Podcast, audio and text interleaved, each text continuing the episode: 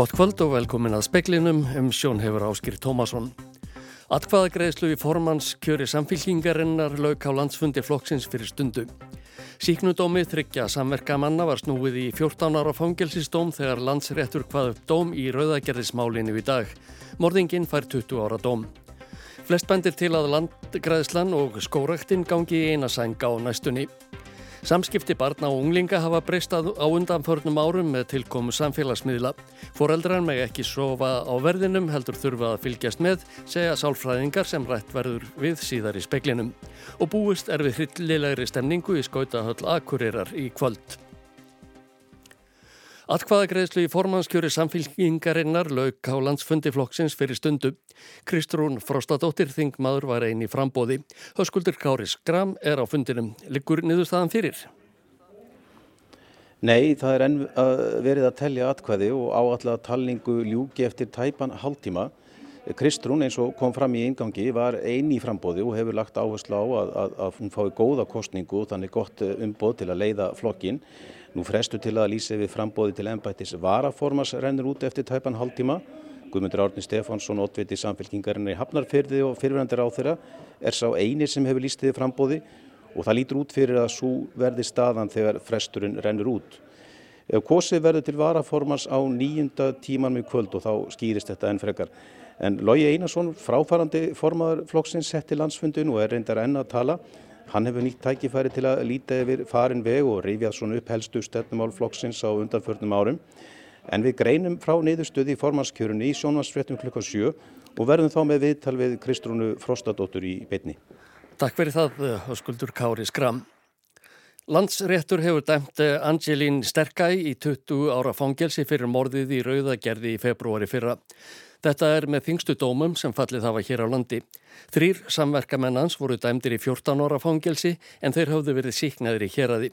Verjendur þeirra menningana ætlaði leita til hæstaréttar. Morðið í Rauðagerði er án hliðstæðu í íslenskri réttarsögu, segir í dómi landsréttar. Þar er fangelsisvist yfir Antilins sterka í lengt úr 16 í 20 ár. Þrýr samverkamenn Antilins eru ennfremur sakveldir. Þreiminningarnir höfðu verið síknaðir í hér aði en saksóknari fór fram á 5 ára dóm. Niðurstaðan var eins og að 14 ár. Lögmenn mannana segast alltaf leita áfrýjunarleifis til hæstaréttar og telja verið líklegt að fallist verði á það. Það er ekki á hverjum degi sem svo þungur dómur er feldur yfir fólki sem áður hafi verið síknað. Geir Gesson er lögmaður Múrat Selivrata, eins þeirra þryggja sem voru dæmtir fyrir aðelda morðinu. Það er alveg horfa rétt að þetta eru mjög þungi dómar og þetta kemur þingdrefsingarnar alveg sko mjög óvart, gríðalóg óvart en bara einnig það að, að minn skjólstangur hafi verið sakveldur. Hann er saklaus í þessu máli og þetta er bara frekar sorglegt fyrir Íslands réttakerfi. Ekki er um það deilt að þreiminningarnir hafi í aðdraganda mórsins ímist vakt að ferði fórnalamsins, ekið antilinn að heimili hans og fann á því og með því aðstóða við morðið. Hérastómur taldi eins og er engar sannanir fyrir hendi um að þau hefðu vitað hvað antilinn ætlaðist fyrir. Landsrettur kennst að öfuru niðurstuð og segir hafið yfir skinsamlegan vafa að þau hafi vitað hvað var í gangi. Framburðu fólksins í skýslutökum breytist enda mikið eftir því sem sönunagau klóðust upp. Þau vissu af ágreiningi Antilins og Armandos, þess myrta, hefðu séð bissuna sem Antilin bar og tekið við fyrirmælum hans um að fylgjast með Armando og heimili hans. Alexander Kristjánsson tók saman. Unnur Þorsteinsdóttir, fórseti heilbriðisvísindasviðs Háskóla Íslands og framkvæmda stjóri hjá Íslenskri erðagreiningu segir vísindi mikið þólumæði starf. Brennandi áhuga þurfi til að leggja það fyrir sig. Unnur er áhrifamesta vísindakonna Evrópu samkvæmt webnum research.com og svo fymta áhrifamesta í heiminum. Unnur var valin úr hópi 160.000 vísindakvenna fyrir framleg hennar til rannsókna. Hún hefur skrifað um 400 vísindagreinar. Vittnað hefur verið í skrifinnar 190.000 sinnum. Erðaransóknir unnar tengjast meðal annars hjarta og æðasjúkdómum, efnaskiptasjúkdómum og krabbameinum. Hún hefur komið nálægt flestum rannsóknum íslenskrar erðagreiningar og segir samstarfið vísindamenn þar eiga mikinn þátt í þeirri viðurkenningu sem hún hefur hlotið.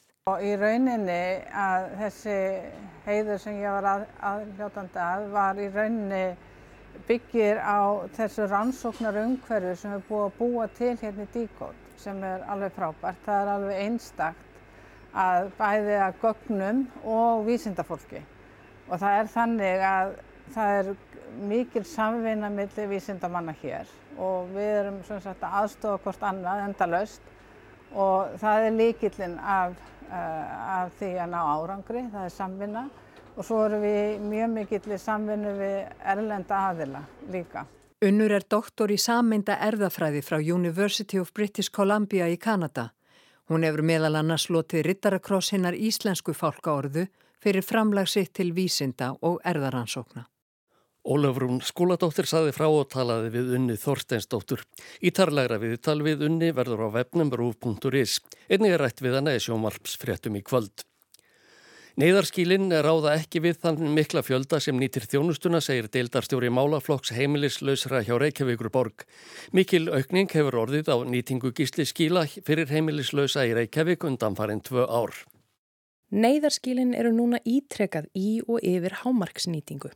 Árið 2021 var nýtingin á bylinu 60-80% og árið 2020 var fjöldin á bylinu 1-3 til helmingur af því sem hann er núna. Rafnildur Ólaf Ólafstóttir, deildastjóri málaflokks heimilislausra hjá Reykjavíkuborg, segir marga samverkandi þætti valda þessari aukningu. Við tengjum þetta mjög mikið svona við fyrsta mat við, við húsnæðismarkaðin og leigumarkaðin og skerti aðgengi núna gisti heimilum á hótelum og, og hostelum sem við hafðum alltaf mjög gott aðgengi að í COVID. Ráða neyðaskýrin við fjöldan? Nei, þau ráða í rauninni ekki við fjöldan. Þau fengur samþygt í sumar að setja fjöldatakmarkun en þau voru búin að vera stöðut í umfram 100% nýtingu þessum afar ári og fólkinn alltaf getur þurft að kvíla sig á stól og, og bekk og og erum við betta í matsal og þetta er, þetta er alveg þannig ástand.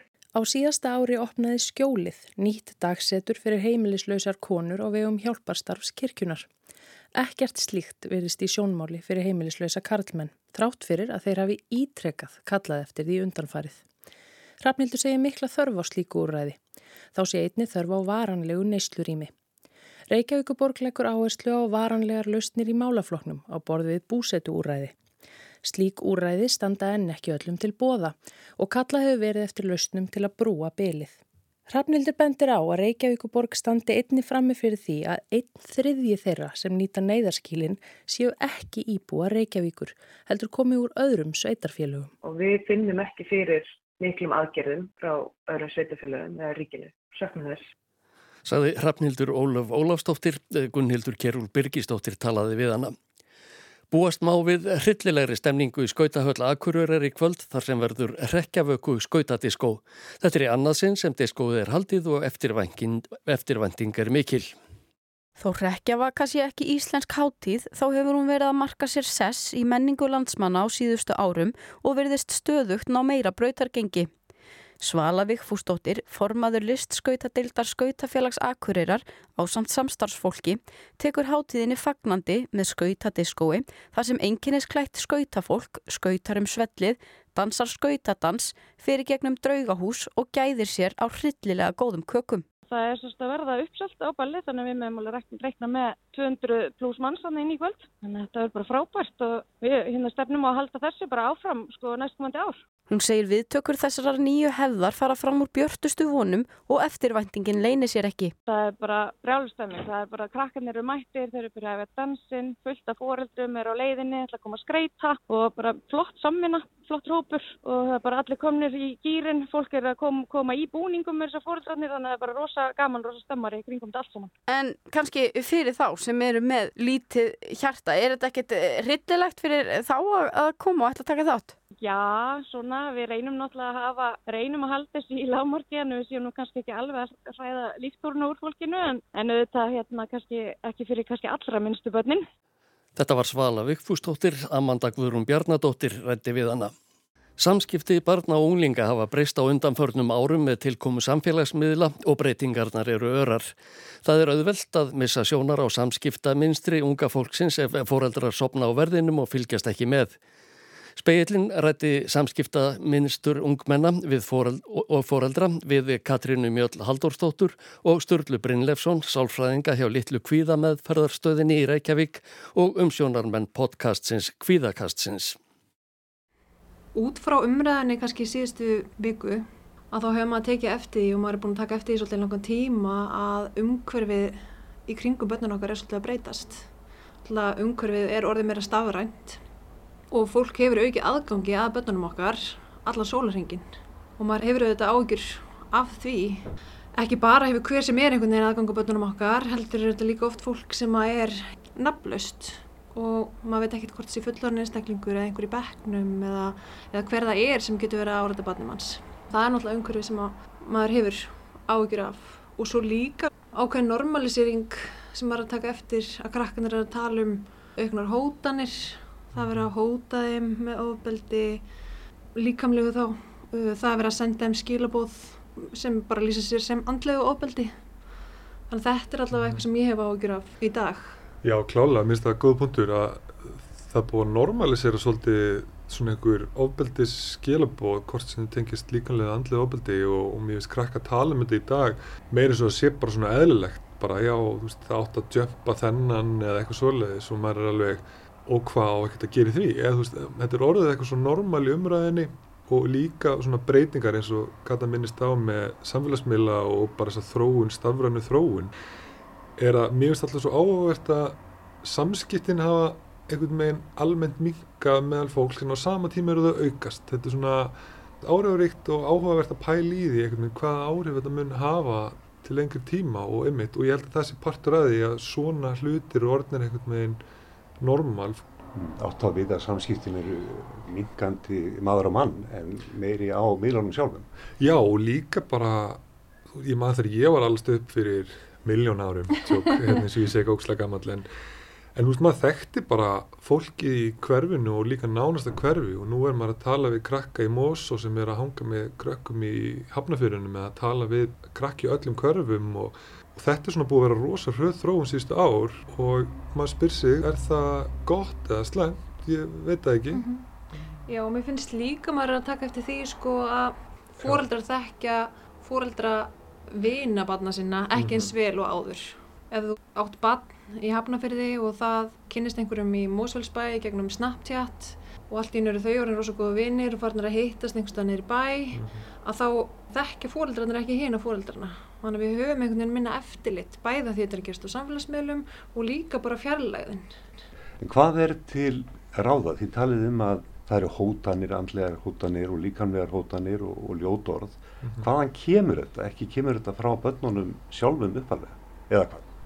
Börn eru náttúrulega bara eins og svampar og sjúa inn í sig allt sem að er að gerast í umhverfið þeirra. Þannig að mjög mikilvægt ef við hugsaum bara út frá fóruldrum að þau þurfa að vera fyrirmyndir. Og það fór alveg fyrir brjósti á mér þegar ég var að skoða fréttinnar núna síðustu daga og maður að skoða kommentakerfin að það er fullari fólk að hóta gerendum, þólendum, fóruldrum þeirra, ofbeldi og maður hugsaður ok, þetta eru fyrirmyndirnar, þetta er fullanda fólki á samfélagsmiðlunum Þannig að þarna þurfa fullorðan fólki að vera svolítið fyrirmyndir bæði hvernig þau eru að haga sér á samfélagsmiðlum en líka heima. Hvers, hvernig eru þau að tala um fólk heima fyrir fram með börnir sín?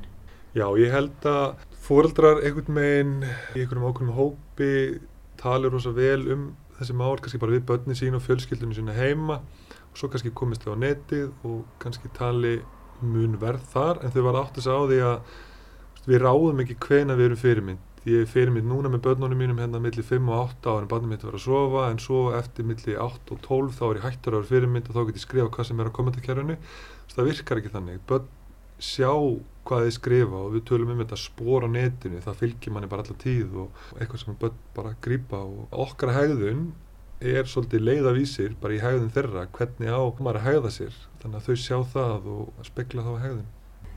Við þurfum náttúrulega að herða eftirlit með samfélagsmiðlum Við þurfum að setja sniðið með börnunum okkar og hjálpa þeim að setja þess að miðla upp að því við byrjum ábyrðu okkar börnum. Við þurfum að fylgjast með því hvað börnun er að gera alveg frá upphafi að því að það er auðvöld að missa tökina á þessu. Þau eru eldklár og þau eru miklu fljótana við að læra alla þess að miðla.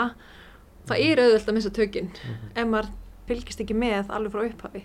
Þannig að vera með þeim þegar þau eru að setja upp, ákveða einhverja svona reglur, hvernig ætlum við að hafa okkur á netinu, hvernig viljum við hafa þetta landslag?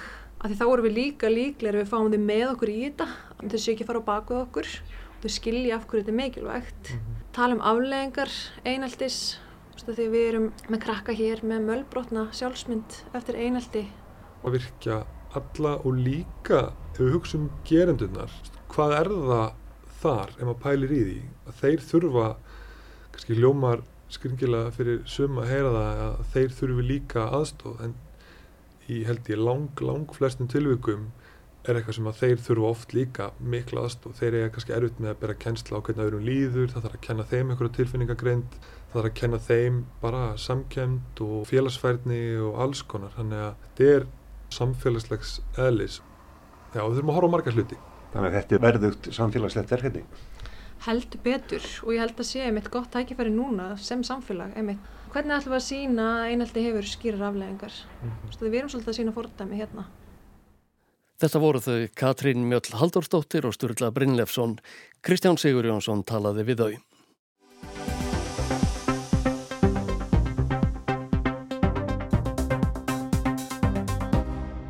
Flest stefnir í að landgræslan og skóraktinn rennir saman í eina sæng á næstunni. Lengi hefur verið í umræðinu að samina stopnarnirnar tvær. Svandi Svavastóttir, matvalar á þeirra, kynnti á dögunum áformu um saminninguna og segir tækifæri í saminningunni til að mynda í verkefnum sem snúa loftslagsmálum. Og til minn eru komnir þeir Árni Bragarsson, landgræslustjóri og Þröstur Eisteinsson, skórattarstjóri, er í hljóðveri á Eilstöðum. Velkomni báða tveir. Takk fyrir. Svo við byrjum bara á ykkar skoðun á þessari saminningu. Þetta hefur verið lengi í umræðinni, allt frá því á seinustu öld Er þetta eins og úlinga kærstupar sem getur ekki ákveði hvort að ætla að vera saman eða ekki? Hefur byrjað þér á því?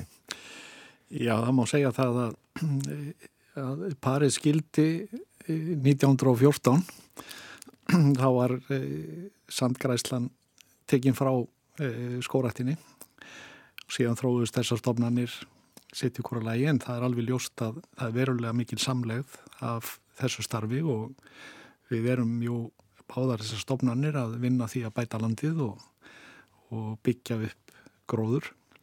Landgræslan kannski á fyrstu skrefum og, og síðan e, við segjum stundum að við gerum land tilbúðandi treverk og, og skórating getur þá tekið við. Mm -hmm. Þröstur, af hverju, af hverju að gera þetta núna? Það eru, það eru kannski, já ég veit ekki, eina, tvær eða þrjár ástæði fyrir því að gera þetta núna. Það er í fyrsta lægi, er það hluti af, af hérna stefnu ríkistjórnarina núna að einfalda ríkskerfið og sameina stopnarnir. Það er verið að sameina stopnarnir og gera breytingar víðar heldur en hjá okkur. Þannig að það er, það er kannski stæsti hluti núna. Svo vil svo til að við árni erum, erum ekkit ólíkir í, í aldri og, og við erum um það að fara að hætta. Þannig að það er hendur tími núna út af því. Eh, svo eins og þú nefndir í upphafið þá þá hefur þetta oft áður verið í umræðinu og mörgum finnst eðlegt að landgræslumál og skórættamál séu, séu á hendi einna stofnar. Hvernig sér þið fyrir þessa nýju saminuðu stofnun og hvernig er, hefur þessi, þessum tíðundu verið tekið innan, innan skórættarinnar? Sko, það er tiltölu auðvilt að sjá fyrir sér sameinaða stofnun. Það er að segja stofnun sem að hefur umsjón með þeim málaflokkum sem að landgræslan annars vegar og skórættin hins vegar hafa haft umsjón með hinga til. Uh, og það geta flestir séð það fyrir sér og, og finnst það ekkert vittlust. Uh, síðan er spurningin sko um leiðina þangað. Uh, það getur verið snúnara að komast þaðan sem við erum núna með tvær stofnanir yfir í nýja stofnun sem að vinnur vel gerir hlutina vel og svo framvegis uh, og er, er öflug og auðvitað er markmiðið að nýstofnun þá saminu verði öflugri heldur en þessar tvær í sitt í hverju lei. Það þarf náttúrulega ákveðin, þurfa náttúrulega ákveðin hlutir að gerast og, og fólk þarf að koma sér saman um hvernig að gera þetta og, og það er það sem að kannski ferli framundan sem að svona þarf að ganga vel og gæti hugsanlega klúðrast á einhvern hátt, á einn eða annan hátt sem að fólk hefur stundum áhyggjur af. En ekki svo miklar áhyggjur af því þegar upp er staðið að verði til sko ný og góð stofnu. Hvað þýðir þetta fyrir bara svona praktiska hluti eins og starfstöðar og starfsmannahald verður eitthvað, verður þeim fækkað eitthvað?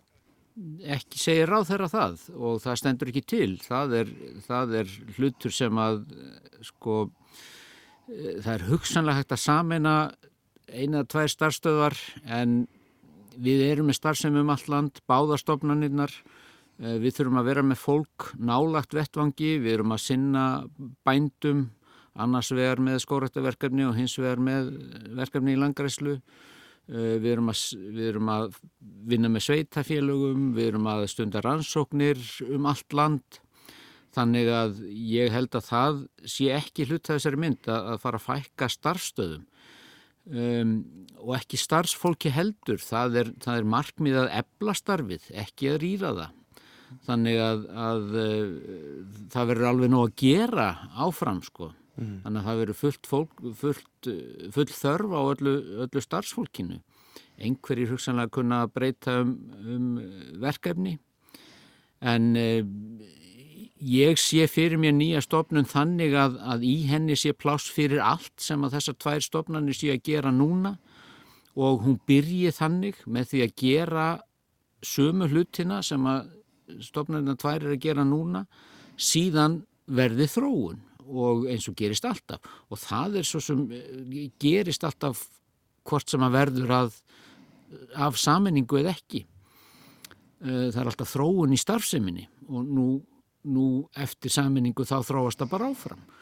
Eh, bara sem sagt saman áfram. Og, og hérna þannig að ég sé engar ekkert svo sem sérstakt sem að sé vandamál þar í þeim efnum. Maður spyr sig hreinlega að því, hvers vegna hefur þetta ekki verið gert fyrr? Já, það er nú öruglega kannski lokal eh, pólitíkin sem, eh, sem að hefur verið hrætt í það að, að þá er verið að fara í þessa saminningu til þess að fækka eða skýra nýður og menn eh, sé að missa.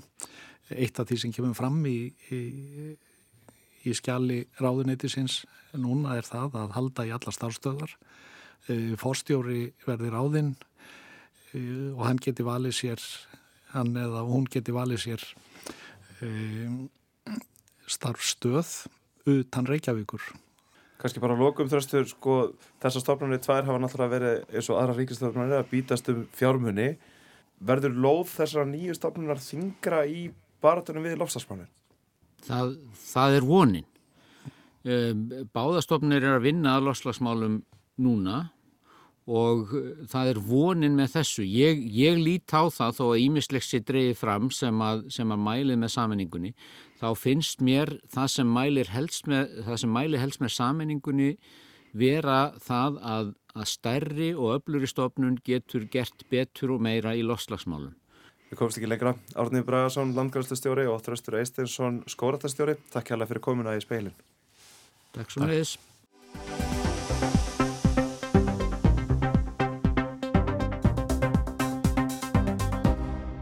Hljómblötu útgefendur í Brellandi, Bandaríkjunum og líkast til víðar senda yfirleitt frá sér nýjar og endur útgefnar plötur á föstudögum. Tillarnir eru fjölmargir. Sumar plötur verða vinsælar, seljast í bílformum eins og sagt er.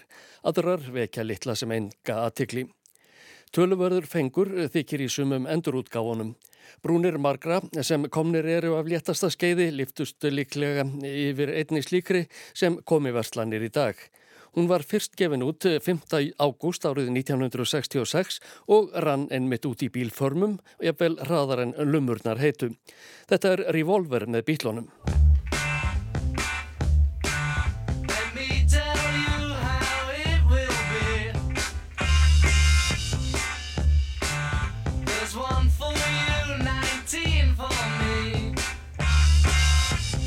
Hér er brot úr fyrsta lægin á hlið eitt ári í Volver, taksmann eftir George Harrison, mótmæla söngur gegn háttekjuskattinum sem ríkistjórn Harolds Wilson lagði á bretta sem hæstar höfðu tekjurnar þar á meðal byllana.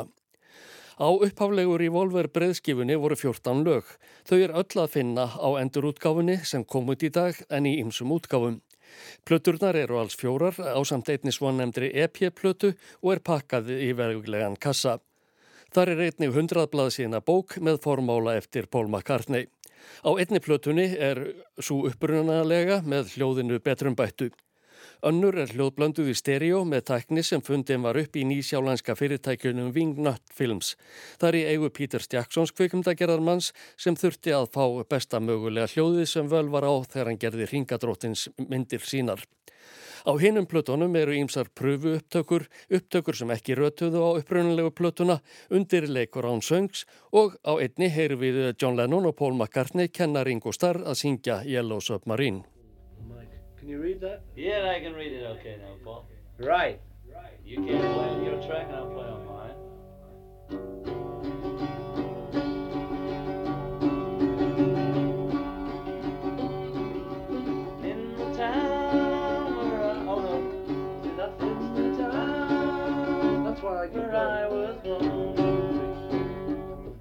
Eftir nokkrar tilraunir tókst Ringo að sjálfsögðu að syngja Yellow Submarine ljómandi vel. Það er George Martin sem stýrði upptökum á Revolver eins og öðrum plötum bítlana. Hann vann með fjórumenningunum frá 1962 þar til þeir heldu hver í sína áttina árið 1970. Martin var aldeilis ekki laus við bítlamúsíkina þó hljómsveitin hætti. Hann held áfram í ára tugi eða betrumbætana, finna gamlar pröfu upptökur, lagfara þær og koma í útgáfu hæft form. Þegar George Martin let af störfum fyrir aldurssakir tók Giles sonur hans við keflinu. Í nýlegu viðtali sagðist hann hafa verið tregur til að halda áfram starfi föður síns en fjálst að lokum á að endur gera tvö lög. Það tókst með slíkum ágætum að hann hefur verið að síðan. Giles Martin segir að starfsitt felist engum í því annars vegar að endur gera eða remastera gömlu upptökurnar og hins vegar að endur hljóðblanda þær eða remixa þær. Til að útskýra munin segir hann að endurgerðin sé eins og að bóna bílinn sinn. Endur hljóðblönduninn segir hann að það sé sambarileg við að rýfa bílinn í sundur og setja hann saman og ný. If you're remixing, you take the car completely to pieces again and you rebuild it and then you polish it. That's what remixing is. That's the difference of the process. So I'm taking the raw multi-track tapes, the guitar, bass, drums, vocals and I'm rebalancing them and putting them back together again. Giles Martin þarf sem svett að hluta gamlu upptökurnar í sundur, gítar, bassa, trommur og söng og raða þeim upp á nýtt. Þannig öðlast þær nýtt líf, svo að segja. Nýja Revolver útgafan sem kom út í dag nefnist fullunafni Revolver Super Deluxe. Í fyrra kom út sambarileg útgafa af plötunni Let It Be. Super Deluxe útgafa Abbey Road þar á undan og hvita albúmið svo nefnda árið 2018. Endurvinnsla þeirra fór fram í Wingnut fyrirtæki Peters Jacksons. Það er orðið svo umsvifa mikið að útibú hafa verið opnuð í Hollywood, Lundunum og Melbourne í Ástralíu. Martin Ingri segist ekki þekka gjörla tæknina sem notuð er hjá Wingnut en þar sé náð út slikum smá atriðum úr meira en 50 ára gömlum upptökum að hægt sé að heyra ískrið í bassatrömmu Betal Ringo Starr, hljóð sem hann heyrði aldrei sjálfur. Ástæðan fyrir því að bílatónlistin lifir enn þann dag í dag, segir Giles Martin, að sé metnaður fjórmenningana. Þeir hafi alltaf sér að verða mesta hljómsveit í heimi og tekist það. Þeir urðu besta tónleikabandið og vildu líkast til einni verða þeir bestu í hljóðverinu. They wanted to become the most successful band in the world and they did that. They wanted to become the biggest touring band in the world and they did that. And I think they wanted to become the best recorded band in the world. Þetta var Giles Martin. Og þá er það veðurhorfur á landinu til miðnættis annað kvöld. Hæg vestlæg eða breytileg átt, skíjað með köplum og lítilsáttar súld eða regning en bjart viðrir um landið austanvert. Sunnan stinningsskóla eða kaldi norðan til á morgun en annars hægari vindur. Víða létt skíjað og svalt en lítilsáttar væta á og til og myllt veður um sunnanvert landið. Og það var helst í frettunum í kvöld að það Það stefnir í að sjálfkjörið verði í tvö aðstu ennbætti samfylkingarinnar og landsfundi flokksins á Grand Hotel í Reykjavík. Síknudómið þryggja samverkamennar var snúið í 14 óra fangilsistóm þegar landsrettur hvað upp dóm í rauðagerðismálinu í dag. Mordingin fær 20 ára dóm. Teknimaður í kvöld var Magnús Þorsteit Magnússon, útsendingunni stjórnaði Margret Júlia Ingimarsdóttir, verðið sæl og góða helgi.